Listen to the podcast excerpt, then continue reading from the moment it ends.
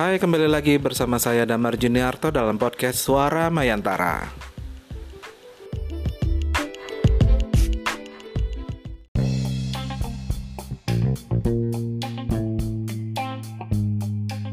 Suara Mayantara akan membahas isu-isu seputar dunia digital atau dunia Mayantara. Apa saja? Mari kita simak satu persatu.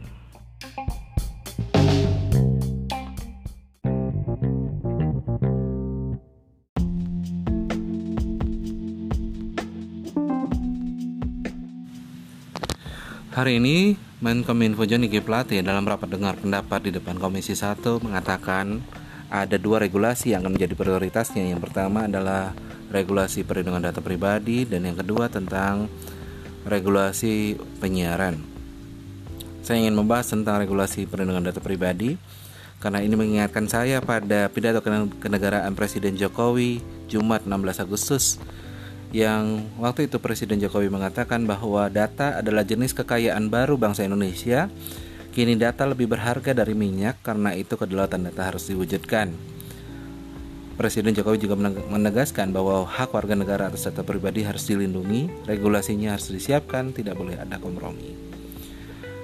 Pada zaman sekarang, ketika zaman sudah membuat banyak pergeseran akibat majunya digital, pelaku uh, bisnis teknologi informasi kini bisa menjulang kekayaannya menggeser para konglomerat dunia yang tadinya bisnisnya misalnya pada eksplorasi sumber daya alam.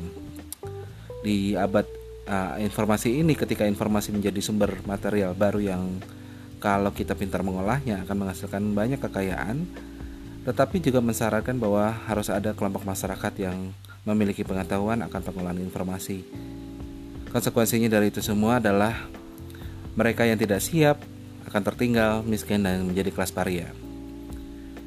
Perubahan-perubahan ini menurut saya perlu dimaknai dengan cepat dan tanggap.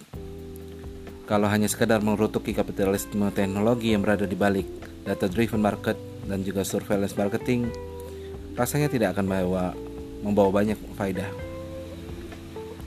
Atau sekadar berdiam diri menunggu pasar membentuk sendiri aturan-aturannya yang kita tahu juga akan hanya menguntungkan dirinya sendiri, itu sepertinya juga perbuatan yang keliru. Langkah yang tepat, uh, makanya saya setuju dengan pemerintah untuk meregulasi yang memenuhi syarat berikut ini.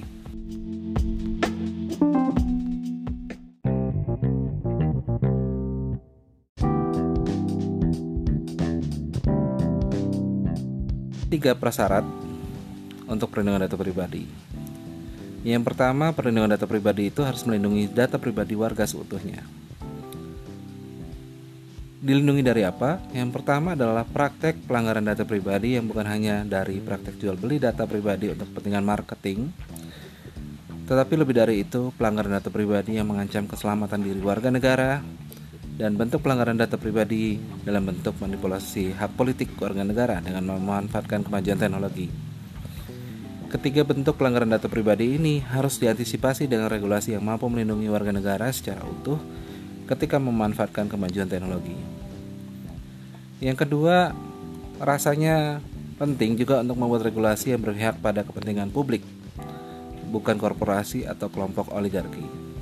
Muara perlindungan data pribadi adalah yang terjaminnya perlindungan data diri pribadi warga negara sesuai amanah dari pasal 28 ayat G Undang-Undang Dasar 45 dalam konstitusi kita dikatakan pasal 28G ayat 1, setiap orang berhak atas perlindungan diri pribadi, keluarga, kehormatan, martabat, dan harta benda yang di bawah kekuasaannya, serta berhak atas rasa aman dan perlindungan dari ancaman ketakutan untuk berbuat atau tidak berbuat sesuatu yang merupakan hak asasi. Regulasi ini diharapkan bukan disusun untuk membuat rakyat makin terjepit oleh kerakusan perusahaan korporasi teknologi luar negeri, tapi juga bisa melindungi rakyat dari pelaku industri dalam negeri yang mungkin mencoba mensiasati absennya regulasi untuk mengeruk kekayaan keuntungan sendiri.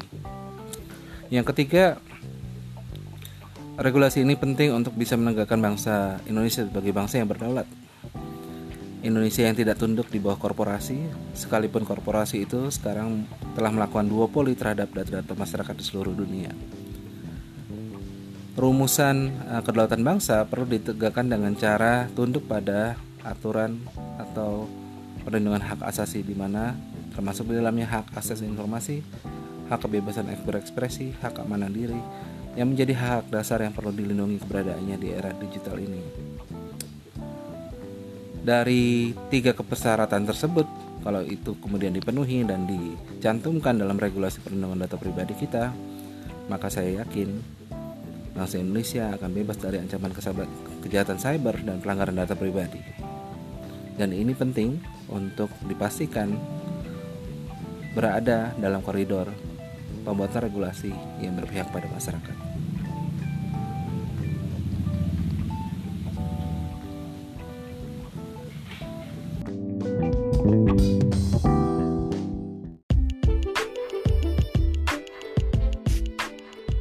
Jangan lupa untuk subscribe atau langganan ke podcast ini. Suara Mayantara, suara digital Anda.